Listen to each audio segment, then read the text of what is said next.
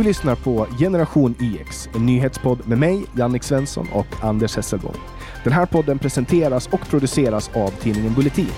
Om du vill vara först med att höra nya avsnitt av Generation IX får du tillgång till dessa genom att bli pluskund på bulletin.nu. Då får du samtidigt tillgång till allt premiummaterial och alla Bulletins poddar före alla andra.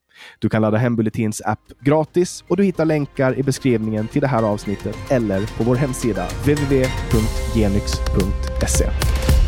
Men istället för Jannik Svensson så sitter jag faktiskt här med min dotter Lova Hesselbom. Hej Lova! Hallå, hallå! Det roliga är att Jannik och Lova är lika gamla och det gör ju att vi kan ju hålla kvar det här generationsperspektivet som vi så gärna vill ha i generation YX. Och lika gamla, det betyder strax under 30. Och eh, jag ska faktiskt vara ärlig och säga att jag pratar inte nyheter eller politik eller samhälle med mina barn speciellt ofta. Och anledningen till att jag inte gör det, det är för att jag tycker att det är viktigt att man får bilda sin egen uppfattning. Däremot så predikar jag ju gärna om min egen uppfattning. Jo då, jo. Det... Du, du, vet ungefär var jag står. Mm. Men eh, jag har ingen känsla för hur mycket du hänger med i nyheterna, men du vet om att vi har elbrist, att det är svårt att producera el i Sverige. Jo, men det vet jag. Gott om el i norra delen beroende på vattenkraft och älvar. Mm. Dyr eh, el i Mellansverige och södra Sverige. Till och med diskussion om ransonering. Vet du varför? Nej. Ja, vi har ju stängt ett kärnkraftverk. Ah, ja, Och grejen är den att vindkraftverk är ju tydligen det som gäller enligt regeringen. Det är det man satsar på. Men det leder oss ju till nästa problem och det är ju att vi har ju också cementbrist i Sverige, eller en stundande cementbrist. Och cement är precis det som man bygger grunden i vindkraftverk av. Mm. Ja, framförallt så tänker jag väl det att de vindkraftverk vi ser ofta står still. Ja, ofta är det så, för de, de är ganska dyra i drift. Det måste bytas reservdelar och faktum är att du har mer koldioxidutsläpp per producerad kilowattimme på vindkraft än till exempel kärnkraft. Och du har fler mm. dödsfall per producerad kilowattimme. Då måste man ju sä säkert ta 10 miljoner producerade för att det ska bli ett dödsfall. Jo, absolut. Men jag tänker också spontant på miljöförstöringen som vindkraftverk faktiskt Eh, orsakar. Ja, för det är ju inte bara klimat, det är ju också miljö och natur. Ja, ett exempel på det här är ju fåglar. Alltså fridlysta fåglar som flyger för nära och klyvs i flera delar. Och insekter? Och insekter, absolut. Ja, vad ser du för framtid för elen då, Lova? Spontant så tänker jag väl att vi kanske skulle tänka om och kanske inte göra slut på alla kärnkraftverk som vi har. För alla kärnkraftverk är inte HBOs Tjernobyl. Just det. Utan jag tänker att kärnkraftverk är väl det mest miljövänliga vi egentligen har. Nej, alltså det är ju det mest miljövänliga vi kan få skulle jag säga eftersom vi inte har några älvar. Ja, men, nej men precis. Men däremot, alltså, solen har ju säkerligen en framtid för sig. Jag ska ja. återkomma till det alldeles strax. Men det andra, det är ju att många av de kärnkraftverk som vi har är ju lite grann Tjernobylvarning. Det är bara att de naturligtvis är bättre, bättre säkerhet och mer rutiner och sådär.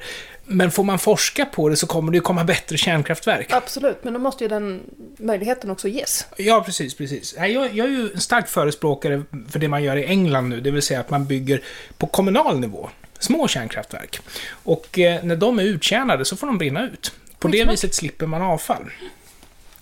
Och det är ju helt klart så att industrin kommer ju styra om till att eh, ja, behöva mer el. Och eh, privatpersoner använder mer el. Eh, alltså, den generationsfrågan måste vi ta, men du är ju en typisk sån här som alltid behöver ha en laddad mobiltelefon. Ja, ja, ja, Du, och sen så angående skjutningarna. Det var väl någon vecka sedan som det var en 25-årig tjej som sköts ihjäl i Luleå. Men ja. du har väl aldrig varit vuxen i en värld där man inte sköt ihjäl varandra? Eller jag vet inte. Nej, det har jag inte. Däremot har jag varit vuxen i en värld där plastarmband ska hjälpa mot det. Men du vet ju om att på 80-talet så generellt sett så sköt man inte varandra. Nej. Eh, och det är ju fortfarande en stigmatisering i Sverige att vi lyfter USA till någon typ av sky som har en övre gräns för vad som är fysiskt möjligt att ha olika skjutningar. Men i själva verket, med tanke på att vi har åtminstone några stycken i veckan i Sverige, så ligger vi ju inte långt efter. Så vi kan ju sluta svartmåla USA, för vi är fan inte mycket bättre själva. Ja, alltså tittar man på statistiken där, så Per capita. Ja, alltså jag tror väl att USA ligger ganska långt över oss, men skillnaden är att vi stegrar väldigt hastigt. Därför att på den tiden vi inte hade några skjutningar alls, så hade de fortfarande ganska många. Så eh, det stegrar. Och det andra man kan säga där, det är ju vapeninnehav. Kanada har mer vapen per capita än USA. Sverige har väl, det vet jag inte hur det ligger till om jag ska vara helt Ingen ärlig. aning. Den illegala marknaden är ju ganska svår att kolla på. Ja, precis. Därför att generellt sett så är det ju så att det inte är registrerade vapen man skjuter ihjäl folk med. Så... så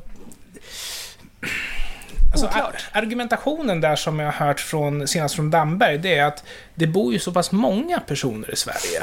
Så även om någon blir ihjälskjuten då och då så är det ganska liten sannolikhet att det är just du. Ja. Det är väl tryggt? Ja. Ja, men nej. Fel. Det är dåligt. Det, det är väl lite som cancer. Inte Ja. alla drabbas, men alla drabbas.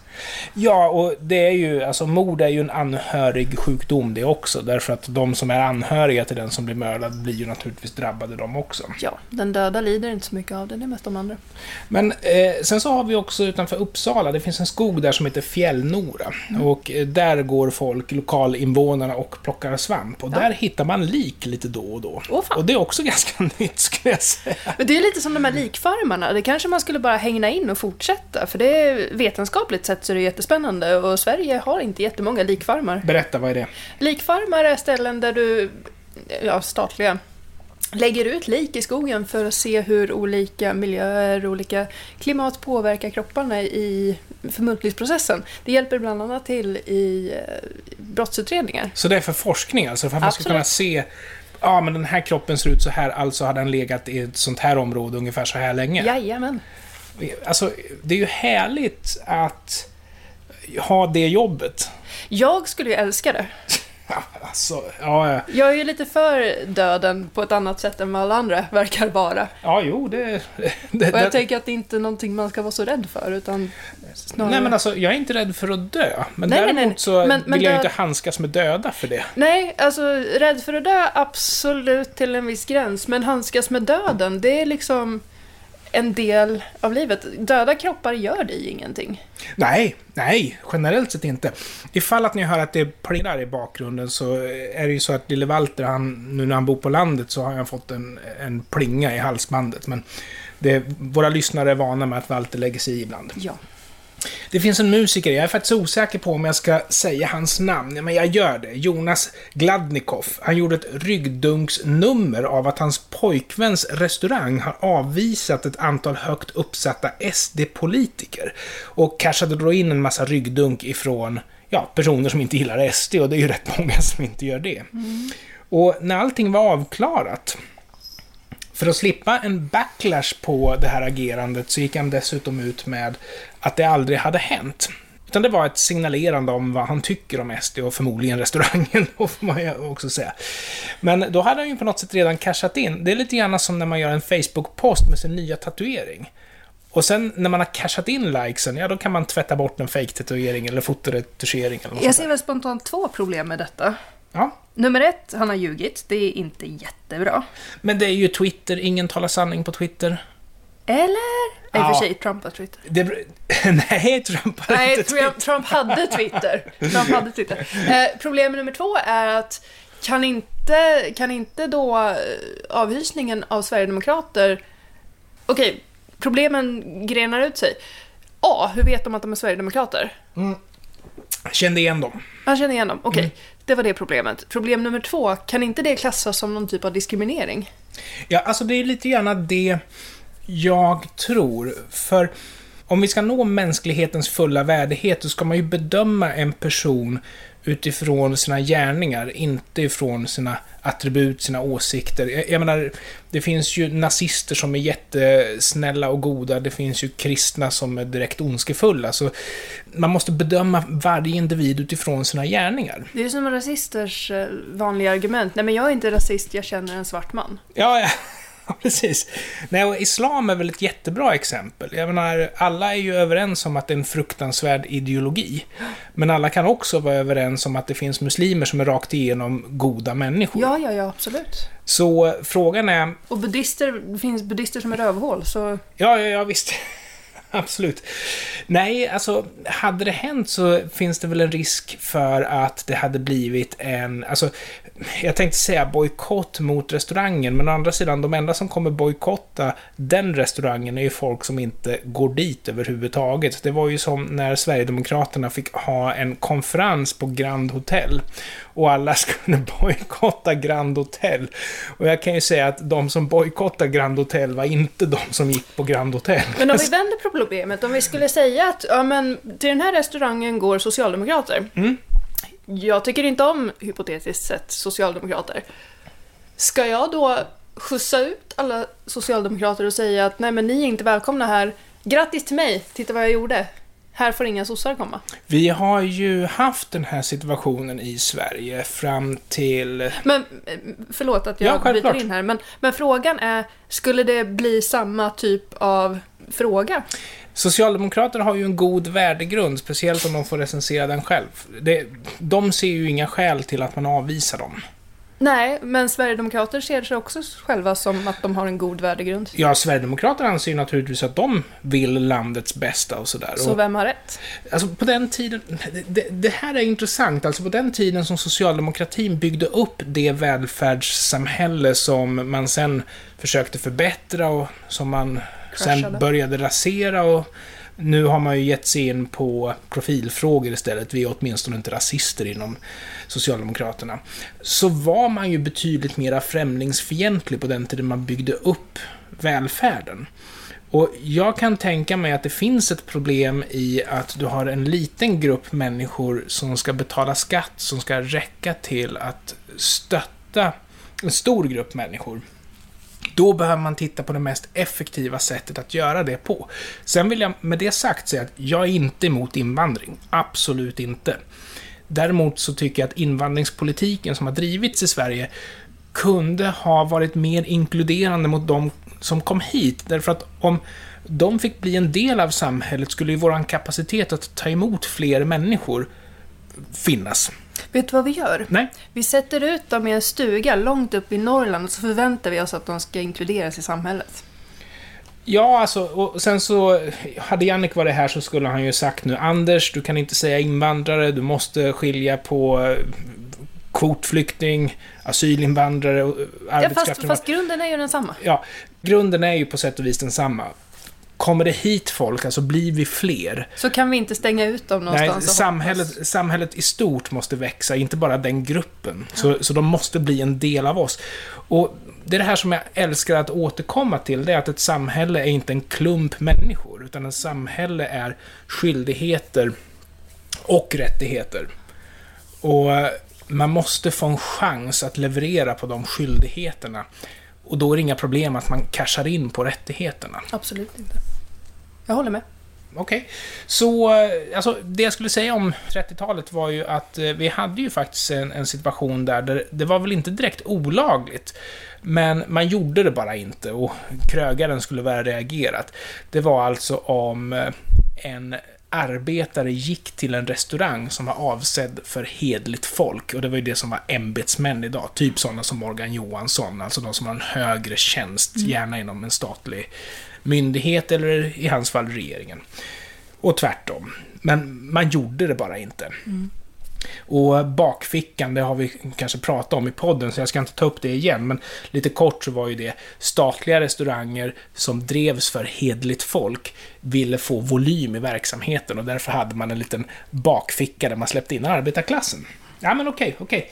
Så eh, Gladnikov, han... Det fula var väl att använda en osanning för att casha in likes, tycker du inte det? Absolut. Men som sagt, jag ser två fulheter i det hela. Ja, Och det är det som jag har nämnt. Med, dels med lögnen och sen med ja, men ändå den diskriminering som försiggår. ja alltså... Eller påståtts ha försiggått. Ja, ja, precis.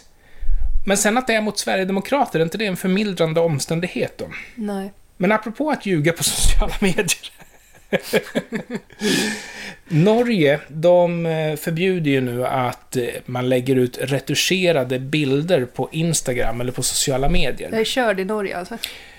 Lägger du ut retuscherade bilder på dig själv? Instagramfilter. Ja, precis. Det är det de vill få bort. Ja, sepia, svartvitt. Ja, okej. Jag är körd. Ja, för grejen är att lägger man på ett sepia-filter, förklara lite kort. Sepia tar ju bort alla eh, toner som inte är gula. Ja, precis. Så det ser ut som ett gammalt Ja. foto i princip. Och eh, man har ju manipulerat bilden. Ja. Så eh, det är ju såklart svårt att dra gränsen här och jag kan ju tänka mig att det man direkt tänker det är att ja, men en tjej som ser ut som en vanlig tjej ska inte liksom ta en selfie och se ut som en fotomodell för då kommer man att skapa en sned bild av kvinnors eh, krav på utseende, bla bla bla. Allt det där, det är ju det man vill komma åt. Men vad betyder redigering? Ja. Jag tänker på, eh, alltså när de spelade in den här briljanta filmen med eh, Arnold Schwarzenegger, Conan Barbaren. Då smörjer ju just han det. in sig i en salva som får musklerna att svälla inför Det varje är tagning. redigering. Är smink redigering? Ja, precis. Är sminkredigering. Om Eller, jag målar mina läppar större, det är falsk marknadsföring. eller måste det vara gjort i en data? Så om jag målar på läppstift efteråt, när jag tagit bilden, då är det... Ja, då är det ju definitivt manipulering. Ja. Beskär du bilden? Har du manipulerat den då? Ja. Så att du kommer fram i en mer fördelaktig vinkel. Man måste vara den perfekta fotografen och ta... Man skulle kunna tänka sig att man har en lista över godkända ingrepp på en bild. Och jag menar, jag tar ju, nu för tiden när jag fotograferar råbilder, jag tar ju alltid och väljer en färgrymd som jag vill ha i efterhand. Men jag gör det ju i datorn och jag gör det ju för att bilden ska se snygg ut. Falsk marknadsföring. Ja, men det, det är jättesvårt det här. Mm. Och jag tror att, eh, alltså tanken är ju bra. Jag har ju alltid varit av den åsikten, eh, alltså någonting vi har diskuterat du och jag, det är ju smak av tjejer. Och Mm. Den vet, är olika. ja, du vet ju om att jag tycker att en icke-manipulerad kropp alltid är snyggare än en manipulerad kropp. Mm. Oavsett hur vanställd den manipulerade kroppen är. Så därför så anser jag att manipulation av din kropp gör det ju för din skull, inte för omgivningens skull. Det gör det ju för att du mår psykiskt dåligt över ditt utseende. Absolut, det är, ju, det är ju ett sätt att visa sig själv som den man vill vara. Men det, Bra sagt. man kan ju också se det som till exempel ja, men, modekataloger. Där är det ju extremt mycket redigering, ta bort celluliter, ta bort rynkor. Ehm, Men de är ju inte sociala medier. Nej, det är de ju inte. Men Och om de- de... å andra sidan lägger upp sina poster på sociala medier, vilket alla stora klädföretag faktiskt gör, Ah. så kommer det ju ut där i vilket fall. Ja, och kravet är ju då att man ska skriva på bilden att den är manipulerad. Men samtidigt är det ju så att modetidningar har ju noll förtroende hos allmänheten på att de är ärliga. Nej. Men jag kommer ihåg den här skandalen när National Geographic flyttade på pyramiderna i Kairo för att framsidsbilden till deras tidning skulle se snygg ut. National Geographic har ju ett extremt högt förtroende hos allmänheten och där blev det ju ramaskri när de hade gjort den förändringen. Ja, jag tänker att det är skillnad på förändring och förändring. Människor ser olika ut. Det finns de som har släta lår, det finns de som har buckliga lår. Pyramiderna står där de står. De är jävligt svåra att flytta på. Ja, men de hade liksom, de hade fotomanipulerat. De hade klippt ut pyramiderna och klistrat in dem på en annan plats. Och frågan är om man då går ut med och säger att det här är manipulerat, de här står inte så på riktigt. Är det ett brott? Ja, alltså, när National Geographic gör det så är det ju det, därför att de ska ju visa verkligheten. Ja, det är sant. Å andra är sant. sidan så ljuger du ju med kameran långt innan det fanns möjlighet att fotoredigera. Mm. Du har ju alltid ljugit med kameran genom att, som sagt, bara genom att rikta den åt, åt rätt håll, Mm. så får du ju en, en avskärning som gör att intrycket kan bli ett helt annat. Ja, och i selfievärlden, tar jag en bild lite uppifrån så ser min kropp helt plötsligt lite mindre och nättare ut. Medan om jag tar den underifrån så ser jag ut som Jabba the Hutt. Som Jabba the Hutt dessutom. Ja, men det, Mm. man gör det. Har du aldrig öppnat kameran och råkat få fram kameran i telefonen? Så om man tar den underifrån så ser man inte så... Det är inte så bra, du borde prova. Ja, jag provar ju för jag sitter ju med eh, Teams och har möten på mitt jobb och eftersom jag har Kom inte nu och säg att du har Nej, men- kameran underifrån. Nej men kom, alltså... Ja, men det där är en annan sak. står ju på bordet. Men när du håller telefonen under Ja, hakan. Ja. Okej, det blir mer extremt om jag håller telefonen under hakan. Ja. Men dessutom är det ju så, det kan vi ju säga till alla våra unga lyssnare. Att telefonen ska du ju lyfta på armen så att du kommer upp i huvudhöjd så Ja. att ansiktet kan vara vänt framåt när du tittar på telefonen. Så Ingen slipper vill du få... veta vad du har i näsan. Nej, men då slipper du gamnacke dessutom eftersom många går ju framåtböjda med telefoner och de kommer få skador på grund av det. Det andra som är det är ju att eh, den här eh, översyntheten som eh, gör att man måste ha läsglasögon. Det var ju professorssjuka förr, de som Mm. läste mycket böcker. Men det är ju någonting som kommer förmodligen drabba alla nu när man generellt sett läser på nära håll. Liksom. Mm. Ja, men mycket intressant. Och så, så har vi då Annika Strandhäll. Och det här var ju i samband med tioårsminnet av eh, terrordådet på Utöja. Och Liberalerna hade skrivit på Twitter, deras officiella konto, att idag är det tio år sedan terrordåden i Oslo på Utöja. Vi får aldrig ge vika för extremism och antidemokratiska krafter. Idag riktar vi våra tankar till offren och deras familjer. Vilket fick Annika Strandhäll att svara.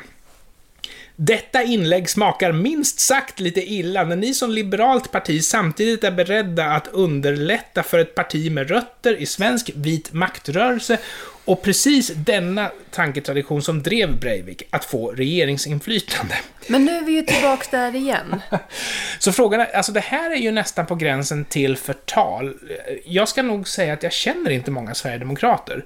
Men de som jag har pratat med som inte är rädda att förhandla med Sverigedemokraterna har inte en uppfattning om att eh, de stöttar Breivik eller att de stöttar mord på SSU-are. Nej, för nu kommer vi ju tillbaka till det vi pratade om tidigare, att alla känner någon som är snäll som tillhör en ideologi som man själv inte håller med om. Det krävs ju en del för att en person ska flippa helt och det spelar ingen roll om det är en sverigedemokrat eller om det är en sosse eller om det är en muslim eller om det är en kristen eller en buddhist. Alla kan flippa, men det krävs nog mer än ideologin för att komma så långt. Ja, alltså det där, vill jag, det där vill jag säga att det där kanske vi får se om vi dyker ner där. Jag, jag, jag tycker inte det är självklart att du har rätt. Men däremot så skulle jag vilja säga som så att eh, även om det är sant så kan det vara förtal. Och jag är inte helt säker på att det är sant i det här fallet. Hade jag blivit anklagad för att sympatisera med Breivik och Breiviks dåd, då hade jag nog varit ganska så upprörd, ska jag säga. Och att en röst på Liberalerna för mig ligger inte speciellt långt borta. Speciellt inte efter... Jag tyckte de var en positiv kraft i Alliansen på den tiden. Absolut, eh, men jag tänker också att även om du hade varit sverigedemokrat och haft eh, främlingsfientliga ideologier så betyder ju inte det per automatik att du tänker att Breiviks dåd var bra. Eller? Nej, och det, där sätter du ju faktiskt tummen på näsan, eller vad det heter. Eh, jag, får alltid skit för att jag inte vet vad det där uttrycket heter. Nej, så det är lite, vad ska man säga, shady det som Annika Strandhäll gör. Men jag tror att det är ju väldigt viktigt att tänka på att Socialdemokraterna har ju suttit i regeringsmakt väldigt länge. Och eh, de har väldigt svårt, på grund utav det, att säga att ja, men om ni bara röstar på oss så ska det bli bra, eftersom folk har ju redan röstat på dem. Och eh, jag tror att strategin här, eh, och det här var en riksdagsledamot från Moderaterna som nämnde att en strategi är ju att försöka komma i opposition strax innan valet. Så man vill ha makten, men kan man några månader innan valet sitta i opposition på något sätt, då kan man säga med rätta att om ni bara röstar på oss så blir det bra. Men frågan som man skulle ställa till socialdemokratin är ju, jag menar, tidigare då. Och jag ger dem att entreprenörer, hårt arbetande människor har byggt det här landet under socialdemokratins ledning. Men det enda argument de har kvar för att bli röstade på, det är vi är åtminstone inte rasister. Bingo. Och om jag skulle ha en klubb som jag ville få med dig i, skulle du bli attraherad av att vilja vara en av, utav oss om jag säger du är en jävla rasist? Nej. Nej, jag, jag tror inte det håller. Och jag tror att vi är några val bort innan Socialdemokraterna är ute ur riksdagen, om jag ska vara helt ärlig. Och så minns du Jeff Bezos, du vet, miljardären som flög ut i rymden. Ja! Ja, och folk blev ju galna. Jag tror att det var mest vänstern som blev galna. För att man kunde ju ha gjort så mycket bättre med de här pengarna än att, ja, experimentera på egen hand eftersom det var väldigt mycket pengar. Men känner du inte igen den där diskussionen ifrån när Notre Dame brann ner? Folk blev ju galna för att rika människor donerade pengar för att bygga upp Notre Dame. Mm. Hela världen går under, men Notre Dame ska stå kvar. Ja, precis. Och jag kan ju tycka liksom, okej, helt sant, man skulle kunna mata fattiga människor. Men jag, jag tror att det, angående Notre Dame, så skulle man kunna kritisera det genom att säga att Donerar man pengar till att bygga upp Notre Dame så har man ju en katedral som är en del av historien som kommer stå i tusentals år till. Donerar man sina pengar till att mata fattiga, så när pengarna är slut så kommer de fattiga vara hungriga igen. Mm.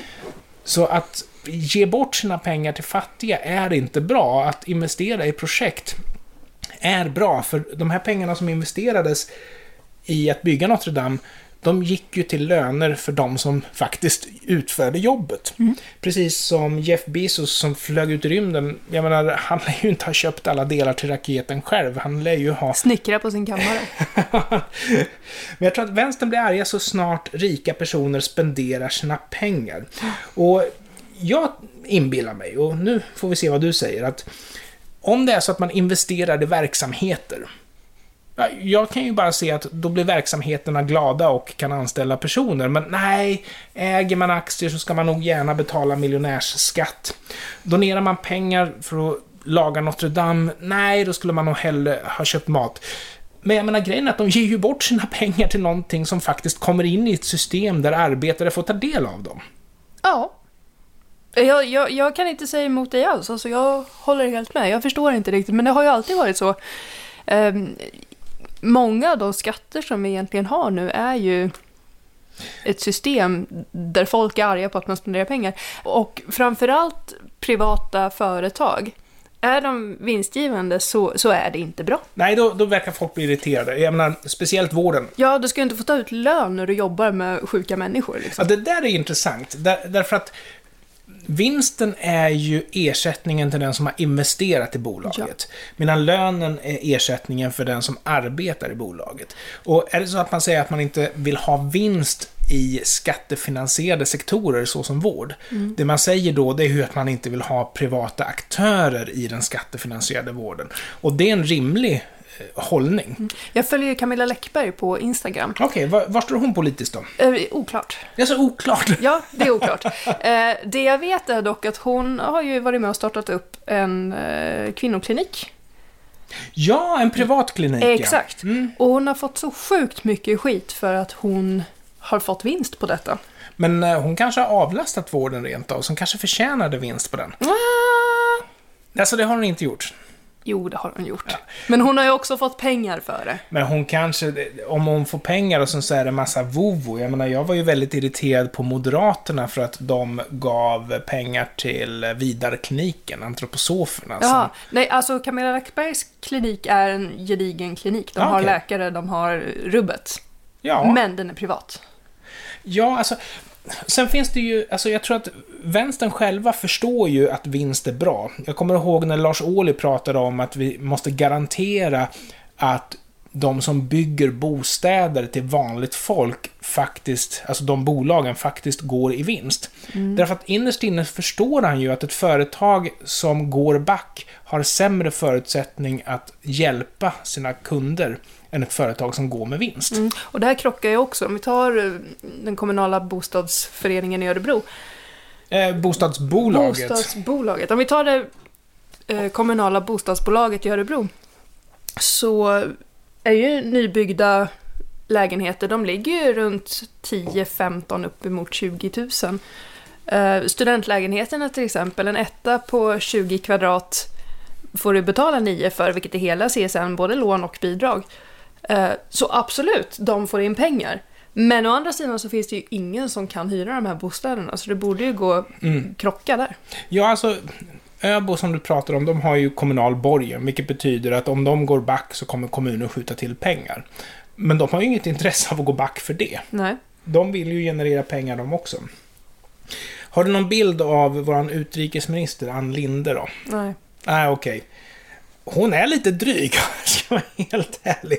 Men eh, Sveriges Television och Sveriges Radio, de älskar henne. Och eh, ett exempel på det som vi har sett nu, det är att hon pratade med ett ryskt humorpar i tron om att hon pratade med eh, Rysslands oppositionspolitiker. Och det här humorparet har alltså kopplingar till Putin-kontrollerad media. Och eh, det här blev naturligtvis en stor nyhet i kommersiell media.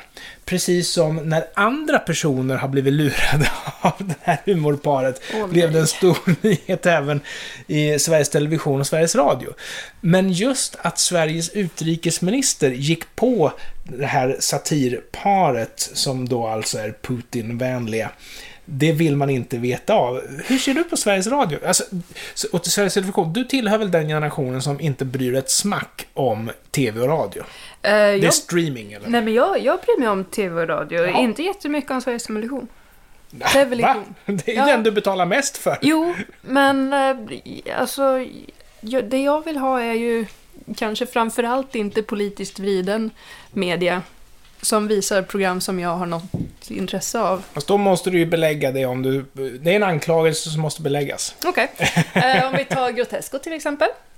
Ja, jag har inte sett det, men berätta. Eh, Grotesco skrev ju en fantastisk musikal.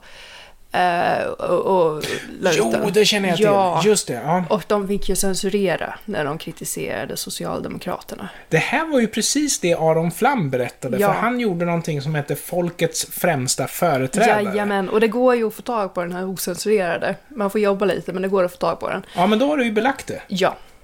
Ehm, och det är inte den media jag vill betala för. Det finns ju alltså betal-tv och eh, klassiska exempel på betal-tv i Sverige är ju givetvis Sveriges Television. Alltså, det är ju betal-tv. Det som har hänt nu det är ju att de drar det på skattesedeln och att du måste betala. Du kan inte liksom på något sätt komma loss.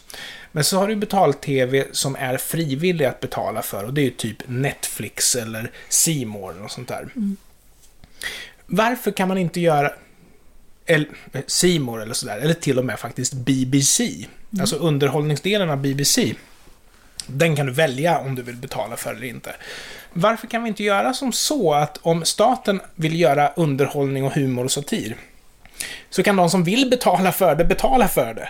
På det viset så gör det ju ingenting om de är nervösa för att skoja med makten och sånt där. Därför att om folk inte gillar att de är nervösa för det så kommer de ju inte betala. Nej. Absolut, bra lösning. Alltså det jag använder Sveriges Television eh, till, det är nyheter. Annars så... Det är de duktiga på. Jag ska Absolut. Faktiskt, alltså, jag kollar, inte bara för att jag tycker att det är bra, utan jag kollar för att jag vill bevaka vad de gör för urval. Ja. Eh, om jag är intresserad av media så blir det någon typ av betalt-tv, typ Netflix, More. Jag visste det. Ja, HBO. Någon typ av betal-tv som inte är SVT. Exakt. Eh, dels så får jag välja själv Ja. vad det är jag vill se och dels så är det inte censurerat av en politiskt Nej, alltså, oberoende nej. organisation. nej, men alltså det är ju censurerat. Alltså det är ju inte censur, utan det är ju... Innehållet är ju anpassat utifrån vad de tror funkar på marknaden. Ja, men då kan de ju inte ta bort skämt om politiskt parti. De får skämta Mm. om alla andra, men inte socialdemokrater. Jag skulle vilja säga att det är censur. Nej, men det... Ja, ja det SVT gör möjligtvis, ja. Ja, men precis. Men, men när fri media klipper i, i sina inslag så... det är en han- annan sak, för jag betalar inte att- skatt för det. Nej, precis. Det handlar ju bara om att de vill ha en vinkel som de tror funkar. Ja. Och lösningen på det problemet heter ju fri konkurrens. För då Absolut. kanske en annan... För då kanske ett annat mediebolag klipper på ett annat sätt och så får vi mångfald. Precis, men som sagt, det betalar jag inte skatt för, så det är jag fine med. Exakt, ja, men det- då så, då håller jag med där. Och eh, du lirar ju dataspel. Jajamän. Activision Blizzard. Mm. Jag kände igen Activision, för de fanns även när jag var ung. De gjorde ju spel till Commodore. Och de och Blizzard är ju... Ja, och Blizzard de eh, är ju ett nyare bolag, men de har ju tydligen gått ihop. Och det är ju alltså spel som World of Warcraft och Call of Duty. Och de har ju en eh, företagskultur där som väldigt mycket går ut på att män trakasserar kvinnor. Kvinnorna får göra jobbet, männen kommer in bakfulla och drar sexskämt under tiden. det är så de jobbar. Parentes, Mm. det låter som kommunen. Ja, det låter som kommunen också. och eh, media har ju naturligtvis granskat det här och tyckt att det var väldigt konstigt att kvinnor som är anställda där rapporterar sånt här. Men själva säger de att allting är fine. Men när det nu inte visar sig att allting var fine, då stäms alltså Activision Blizzard av sina egna investerare. Så de som har gått in med pengar i företaget stämmer företaget de har finansierat på grund av att de snarare har tystat ner det här än att tagit hand om det. Och här säger vi liksom riskkapitalister är en god kraft i samhället. Jag kan inte nog säga, för de, de tar risken. De ger folk pengar för att jobba och de tar risken. Absolut. Och de vill ju naturligtvis att företaget ska vara välskött, därför att de vill ha avkastning på sina pengar. Igen, inga konstigheter. Hur skulle du agera om eh, någon drog eh, ett sexistiskt skämt och sen krävde att du skulle göra hans jobb? En örfil, tror jag. Då skulle du få sparken. Jag tror inte det. Nej, okej. jag det tror på- faktiskt inte det det. beror på omständigheterna. Befogat. Det är eh, befogat. Okej, vi ska avsluta med en het puck som har debatterats på Twitter. Oj, Ta med den. nej, aldrig i livet. För då tror de att Blooper. Nej, aldrig i livet. Och det var så här. Försvarsmakten, nu i samband med Pride, så köpte de en annons där militärer, beväpnade militärer, poserar med en Pride-flagga. Och eh, det här la man ju en massa pengar på och man säger att man står upp för allas lika värde. Såg du annonsen? Ja. Rätt eller fel? Jag gillar idén, men om man gräver lite i det så kan det ju bli problem. Ja, men utveckla. Nej, men jag tänker att det är jättebra att militären står för alla likas värde utifrån det att alla oavsett läggning eller etnicitet ska ha möjlighet att söka in till militären om det är den Och de yrkesroll. finns ju för allas skull. Exakt, och de finns för allas skull. Men jag tänker att liksom, de ska ju försvara en homofob person lika mycket och lika bra som de Exakt. försvarar en homosexuell person. Och det är det här som kan bli lite läbbigt, för om de nu går ut och säger att ja, men vi stöttar Pride, alla är lika mycket värda, medan de huserar med Pride-flaggan, kan inte det då clasha i folkmuns syn, eller vad man ska säga? Ja, uppenbarligen har det ju gjort det eftersom vissa Ja. tycker det här är jättebra, andra är jättearga. För om de nu ska försvara en homofob, går de då emot sitt eget budskap? Ja, just det. Det var en intressant... Jag har ju landat i att jag tycker det här, generellt sett, pr- principen är bra. Ja, Eh, och det är ju för att homosexuella och andra är förföljda. Inte minst islam, där står ju homosexuella väldigt lågt i kurs. Och islam är ju en väldigt populär religion i, i Sverige, som växer kraftigt i Sverige. Och då är det ju bra att Försvarsmakten tar parti för Pride. Och på så vis visar för muslimer att det är det här som gäller i Sverige. Men om man vänder på det, ett problem som aldrig har funnits, oklart om det kommer komma, men om vi kör en mobb med Pride-anhängare, Ja, homosexuella, som slår ner en homofob, och militären ska gå in och fixa detta. ja fast militären jobbar ju inte Nej, mot men, civila. men, men rent Ja. hypotetiskt. Ja, hypotetiskt. okej. Hypotetiskt. Är det då fel av dem att rädda homofoben i och med att de huserar med Pride-flaggan och ska stötta de homosexuella? Det där är för hypotetiskt, men Ja, okej. jag tror, jag tror att de skulle, de skulle inte tveka. Nej, Om det var så det att militär sattes in mot en demonstration så skulle de inte tveka att ta homofobens sida. Inte en sekund. Men blir det då motsägelsefullt när de står med Pride-flaggan och säger att vi stöttar er? Alltså det blir ju mindre motsägelsefullt om man inte säger allas lika värde. Därför att alla har inte, jag kan inte se att alla har samma värde. Att, att eh, eh, Steve Biko har samma värde som Adolf Hitler. Eller att Deepak Chopra har samma värde som Stephen Hawking. Så jag kan inte se att alla har lika värde, men alla har ju samma rättigheter. Ja, jag håller med dig. Här, helt jäkla opåkallad sträng pappa som sitter och blänger här. Nej men alltså alla, alla människor har inte lika värde och det där har blivit en kliché för att samla billiga politiska poäng. Alla har samma rättigheter och samma skyldigheter. Sen beroende på vilka extra åtaganden du har gjort så kommer det där att variera. Men alla har åsiktsfrihet, alla har religionsfrihet, alla har yttrandefrihet. Och jag hoppas att det Pride-flaggan egentligen säger, det är att ditt värde påverkas inte av din sexuella läggning. Men sen är det ju också så att jag, har ju, jag är ju privilegierad av den anledningen att jag har inga skäl att göra min sexuella läggning till en del av min identitet, därför att det är ingen som är nyfiken på den. Men är det så att du tillhör en minoritet? Jag tycker att det skulle vara lite kul att veta.